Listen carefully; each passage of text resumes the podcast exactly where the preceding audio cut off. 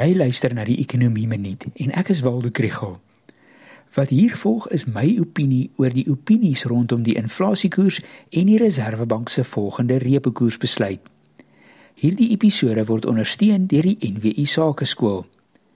Gereelde luisteraars sal weet dat ek baie simpatiek staan teenoor die Reserwebank se gebruik van die reepekoers om inflasie te beveg. Al knyp my huisverband net soveel soos die volgende ou sin. Die Reserwebank se reputasie as 'n inflasievegter is 'n beginselsaak. Daar is kommentators wat weer eens uitwys dat ons kostedruk inflasie beleef en nie met rentekoerse dit kan beveg nie. Dit is deels waar, maar ek hoor nie watter alternatief hulle voorstel nie. Moet die bank terugstaan en net wag dat die kostedruk van self normaliseer? Wat van die gevolge van inflasie in die vorm van 'n swakker wisselkoers en hoër rentekoerse op die staatsskuld? Voel hulle dalk ons moet inflasie beveg, maar nie so hard nie. Dit sluit aan by die siening dat die reepekoersverhogings nou meer van 'n hindernis vir ekonomiese groei begin word as 'n teenwig vir inflasie.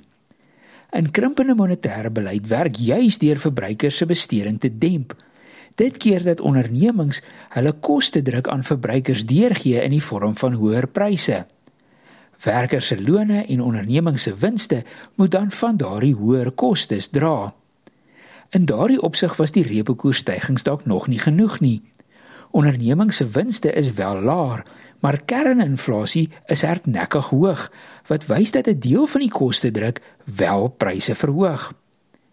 Ek weet nie of 'n onveranderde reepekoers of selfs 'n lae reepekoers in Julie maand veel gaan doen vir ekonomiese groei nie.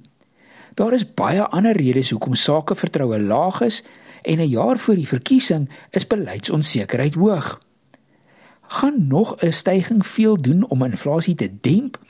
Ek dink inflasie gaan verder daal as gevolg van internasionale faktore.